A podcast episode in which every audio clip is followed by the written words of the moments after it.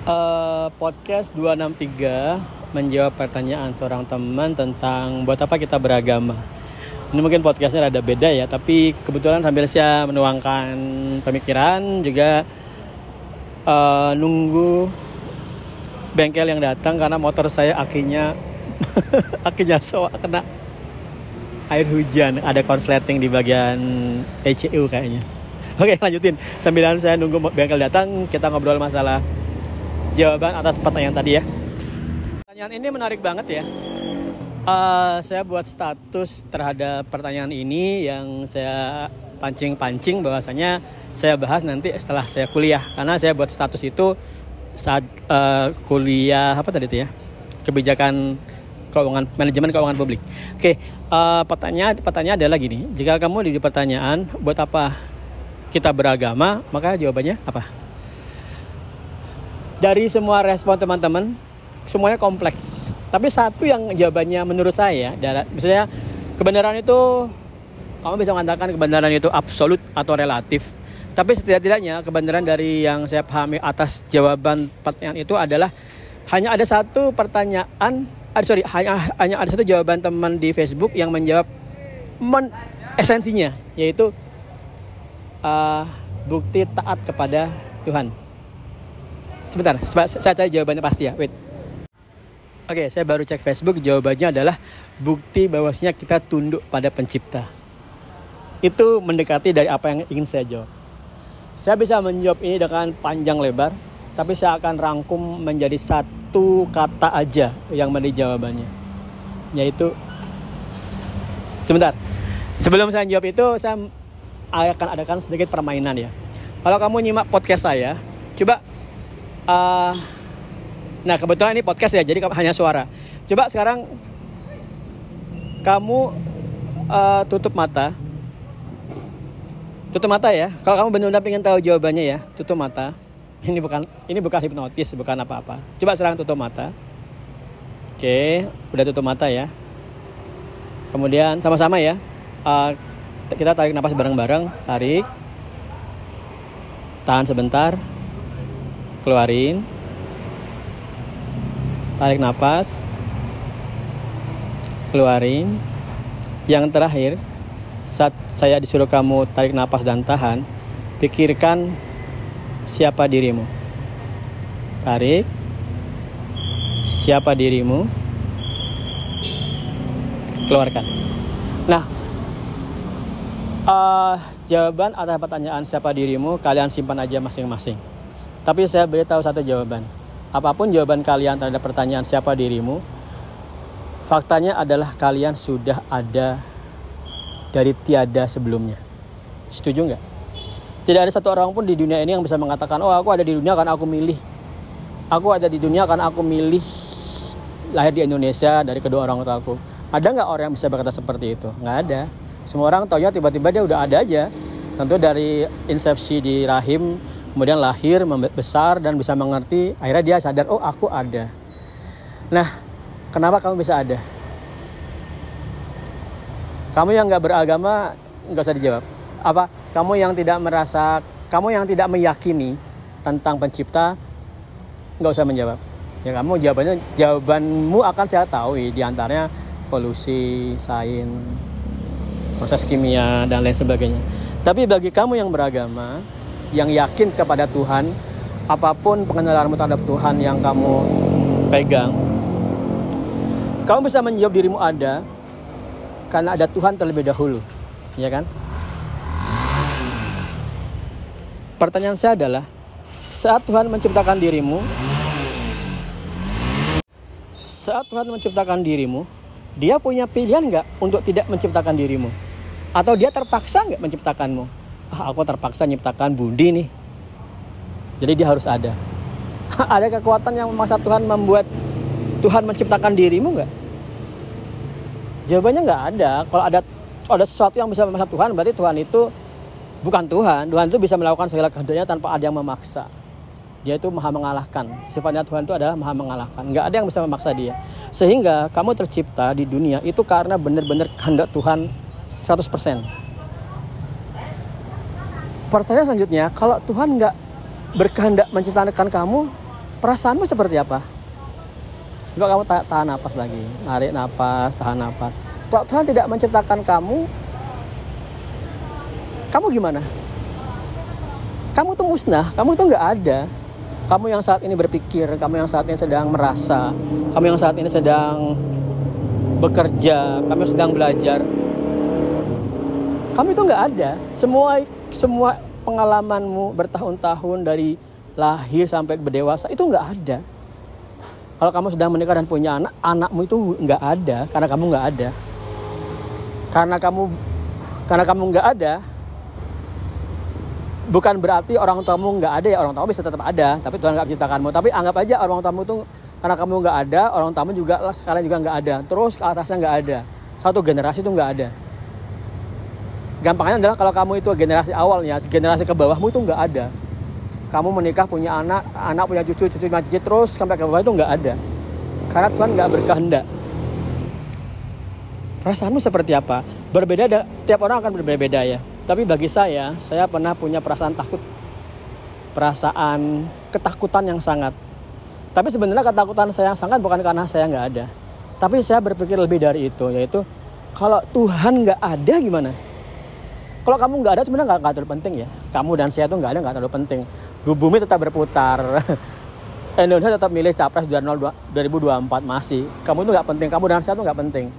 Bukan kamu nggak penting ya kamu dan saya tuh nggak penting. Tapi yang lebih menakutkan adalah kalau Tuhannya nggak ada gimana? Pencipta nggak ada gimana?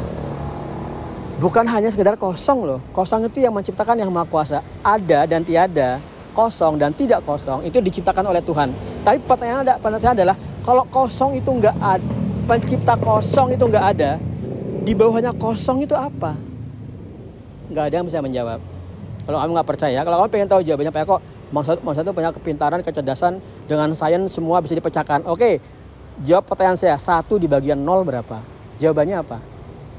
Sains yang begitu diagung-agungkan orang yang tidak percaya Tuhan nggak bisa memberi jawaban terhadap satu per nol adalah jawaban dia adalah tidak didefinisikan. Satu dibagi nol itu satu itu bilangan, nol itu bilangan. Tapi satu dibagi nol nggak didefinisikan. Dengan satu konsep seperti ini harusnya sebagai manusia kita tahu manusia itu punya akal yang terbatas. Kamu percaya nggak kamu punya akal yang terbatas? Sebenarnya saya sering ngobrol sama orang ateis ya, dia bilang, uh, langsung aja ngomong ya, saya pernah ngobrol sama Richard M. Stallman, Richard Matthew Stallman yang ngebuat GNU Linux email-emailan. Kamu bisa reach out dia di stallman.gnu.org.id kalau nggak salah. Kita diskusi debat diskusi masalah agama segala macam. Akhirnya dia bilang gini dia dia bilang seperti ini sains itu bisa memecahkan segala sesuatu. Kita tinggal tunggu aja perkembangannya. Sebenarnya itu terlalu menurut saya jawab kata-kata seperti itu adalah kata-kata yang tidak saintifik juga kalau kamu ingin mengatakan pada akhirnya semua itu bisa dipecahkan oleh sains, ini aja deh, satu dibagi nol, udah berapa ratus tahun sih nol itu tidak didefinisikan, satu dibagi nol itu nggak didefinisikan.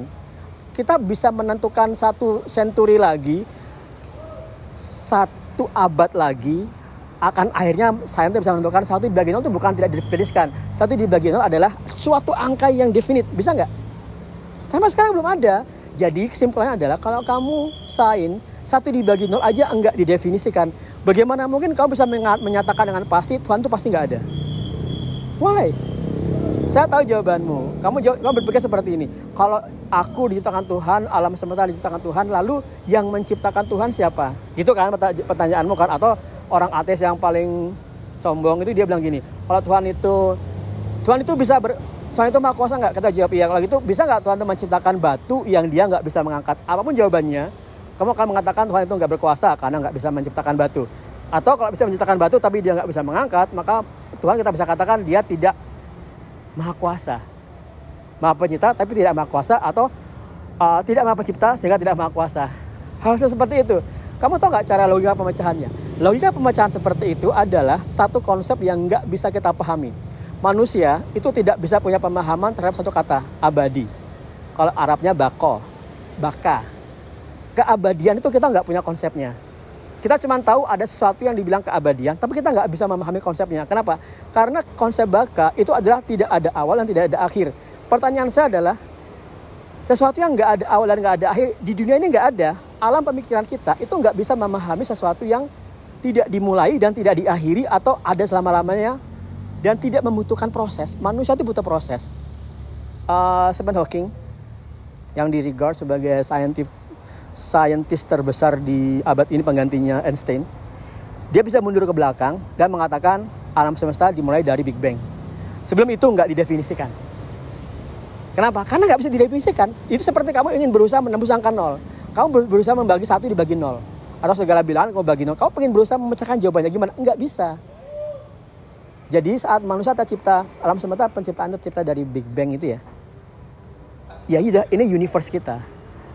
Tahu nggak maksudnya universe? Semesta pembicaraannya, semesta pemikirannya, definisi-definisi yang sudah terdefinisikan atau yang belum terdefinisikan itu ada di sini. Mungkin nggak ada alam semesta yang kita sama sekali nggak paham atau nggak bisa memahami kan ada satu konsep yang nggak ada Tentu ada. Stephen Hawking juga bilang, kalau kamu baca bukunya A Brief History of Time, dia bilang saat penciptaan alam semesta di Big Bang itu ada kemungkinan tercipta semesta-semesta yang lain.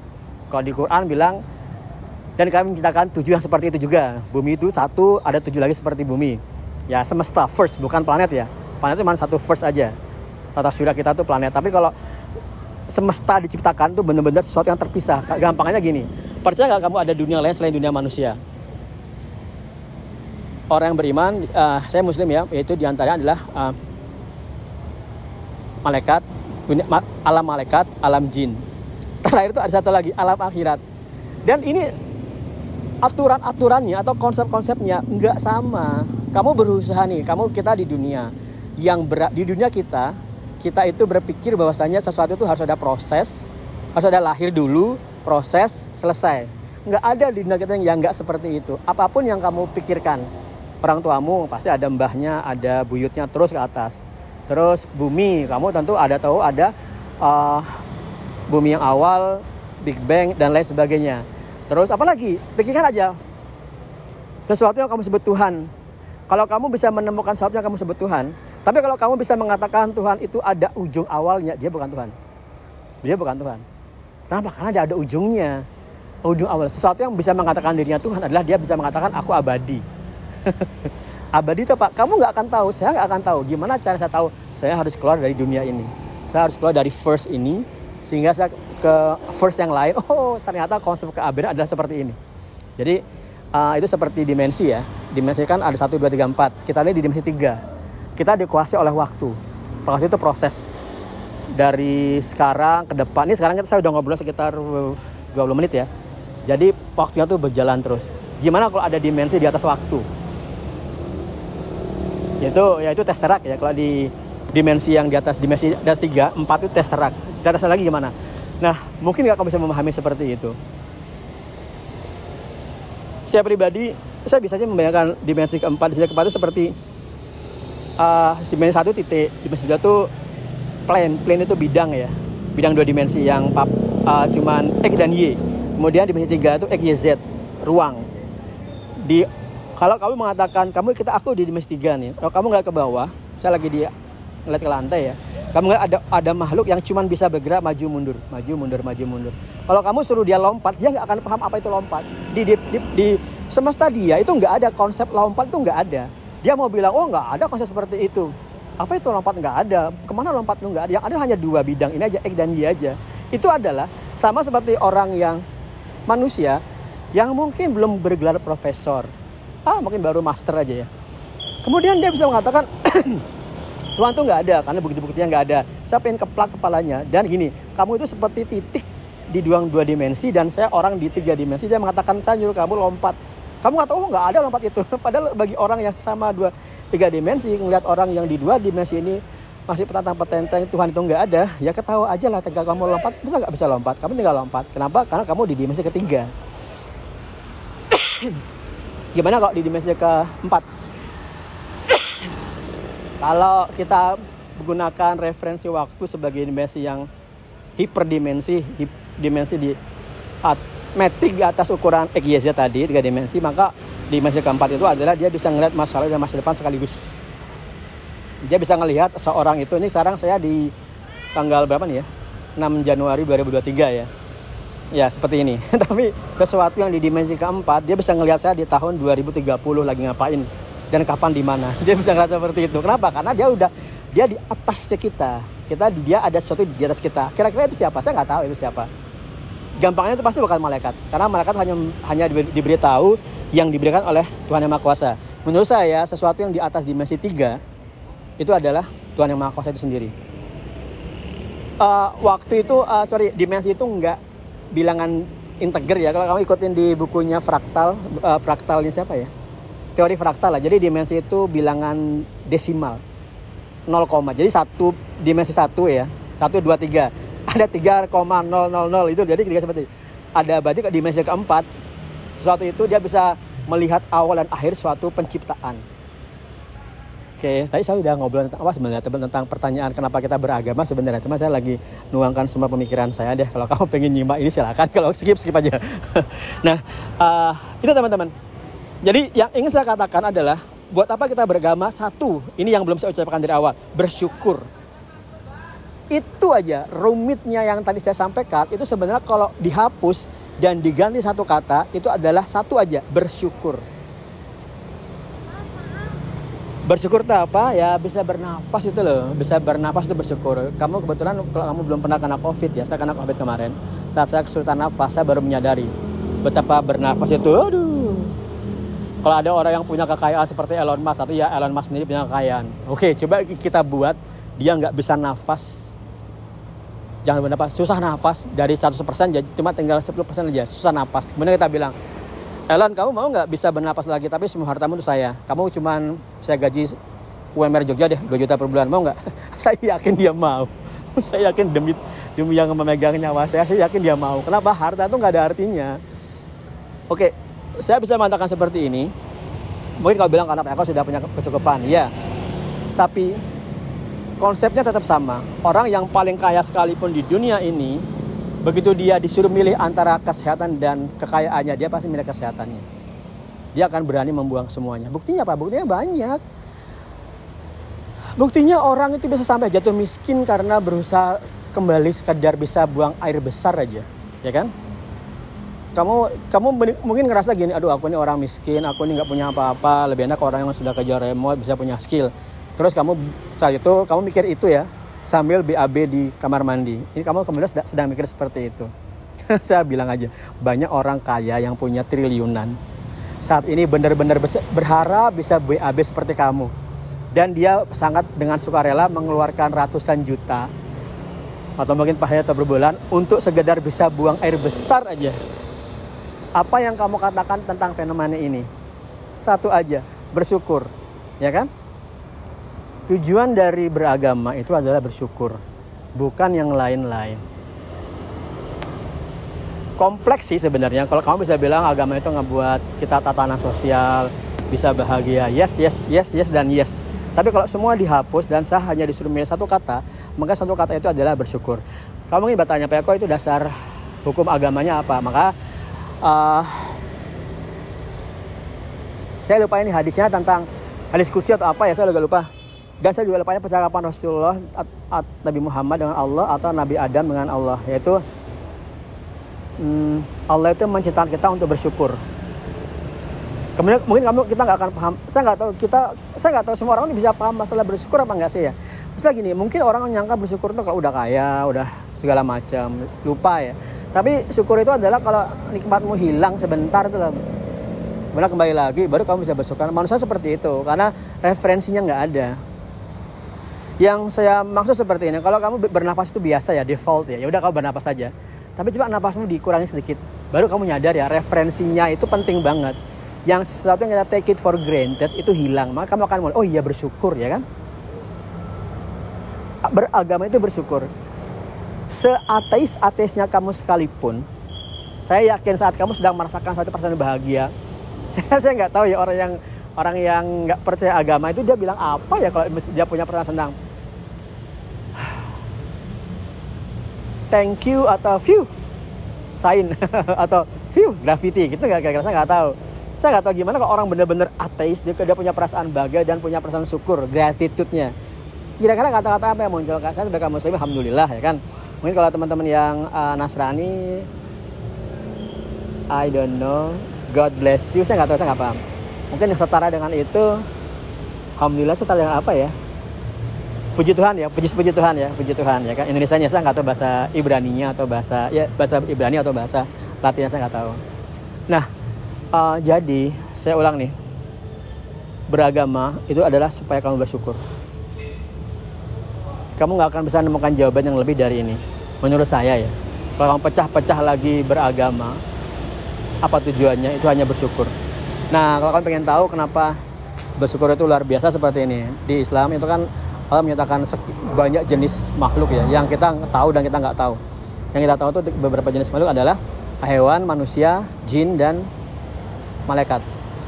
Manusia dan jin itu sama setara. Dia punya amanah dan dia punya uh, kebebasan free will dan juga punya kemampuan untuk menolak atau menerima perintah.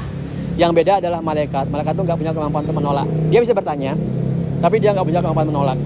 Malaikat yang kalau diciptakan untuk mengucapkan kalimat-kalimat pujian misalnya alhamdulillah alhamdulillah alhamdulillah sampai dari penciptaan awal sampai akhir dia cuma seperti itu aja. Ini uh, ini ini dogma ya, ini dogma ajaran yang nggak bisa kamu buktikan. Ya gimana cara ngebuktikan seperti ini? Mati dulu aja ya kan. Nah, contoh adalah malaikat yang diciptakan untuk meniup sangkakala, trompet, definisi trompet sangkakala saat dunia akan dihancurkan dengan suara berarti ya. Dari penciptaan awal sampai nanti dia akan menjalankan tugasnya, ya dia cuma megang trompet aja. Kemudian tugasnya cuma meniup, dah selesai. Itu aja yang dia lakuin. Dia nggak punya kebebasan. Bagi kamu yang oh apa tuh ketawa trompet segala ya udah mati dulu aja. Ini masalah dogma. Ya kan? Nah, uh, manusia itu punya kebebasan manusia bisa memilih tadi bersyukur alhamdulillah alhamdulillah bertasbih subhanallah. Kemudian ber apa lagi ya? Ber, bertakbir Allah Akbar bisa. Terus dia juga bisa men, dia juga bisa memilih untuk enggak melakukan semua itu. Manusia itu luar biasa bebas banget loh ya. Sangat sangat bebas. Manusia itu sangat sangat bebas. Dia bisa melakukan apa aja yang baik yang dari awal sudah ada atau belum ada. Contoh dulu itu belum ada internet. Tahun berapa ya saya lupa internet albumnya 1920-an ya? Ah. Terlalu lama sama 1940 kalau nggak salah internet itu. Perang dunia kedua ya bener-bener perang dunia kedua itu internet. Dulu belum ada internet. 100 tahun sebelum 1940 mungkin nggak ada yang tahu apa itu internet. Kenapa manusia bisa menciptakan internet? Karena manusia dilahirkan dengan pengetahuan dan dia bisa belajar. Dia bisa men menciptakan istilah-istilah term menciptakan kalimat-kalimat, menciptakan bahasa itu adalah kekuatan manusia yang nggak bisa ditiru oleh yang lain. Malaikat pun, nah ini dogma ya, kamu nggak bisa buktikan. Saat Tuhan menciptakan Adam dan Adam dan malaikat bertanya kenapa sih dan uh, dan malaikat diberitahu bahwasanya Adam itu akan menjadi pemimpin di bumi saat di bumi itu sedang di, dikuasai oleh jin. Jin itu berperang bunuh-bunuhan. Kemudian Tuhan menyatakan Adam dari dari uh, apa namanya? Dari tanah dan saat akan saat diciptakan itu sudah ada beritanya mereka bertanya Tuhan kenapa engkau menciptakan makhluk yang seperti ini? Dan nanti ke bumi? Dia akan ber, menumpahkan darah juga. Jawabannya apa? Aku tahu lebih dari yang aku tahu apa yang tidak kamu ketahui. Ini lakum eh lupa aku mengetahui apa yang tidak kamu ketahui. Kemudian begitu Tuhan itu um, mempresentasikan Adam kepada malaikat. Nah tantangannya Tuhan kepada malaikat gini aja sebutkan nama benda-benda ini. Mereka jawabannya apa? Mereka jawabannya gini saya nggak bisa tahu kecuali apa yang sudah kamu beritahu. Jadi dia nggak punya ini. Dia tuh nggak punya kemampuan melakukan sintesa terhadap pengetahuan yang baru. Dia nggak bisa. Malaikat nggak bisa. Kalau dia diberitahu ini A ini B ya udah tahunya A dan B aja nggak tahu yang lain. Kalau manusia dia bisa mensintesa ilmu pengetahuan yang baru. Mensintesa ilmu pengetahuan baru itu well ya itu. Diantar internet bisa menciptakan internet dari dunia yang kosong binari ya kan? Dari suatu ilmu pengetahuan yang kecil-kecil di yang mikro digabung jadi makro sampai jadi produk jadi market jadi komersil. Nah itu namanya kemampuan manusia yang luar biasa. Nah yang seperti ini teman-teman kenapa Tuhan menciptakan manusia di bumi? Sebentar saya sambil lupa tadi kenapa saya ngomong seperti ini ya. Sebentar, sebentar. nah tentang tentang bersyukur ya. Nah makanya nah terakhir terakhir nih terakhir dia udah, udah hampir setengah jam. Saya nggak tahu siapa yang dengerin ini uh, saat Tuhan menciptakan Adam dan keturunan-keturunannya, Adam tuh ngeliat keturunan-keturunannya, keturunan itu ada yang cacat, ada yang nggak sempurna.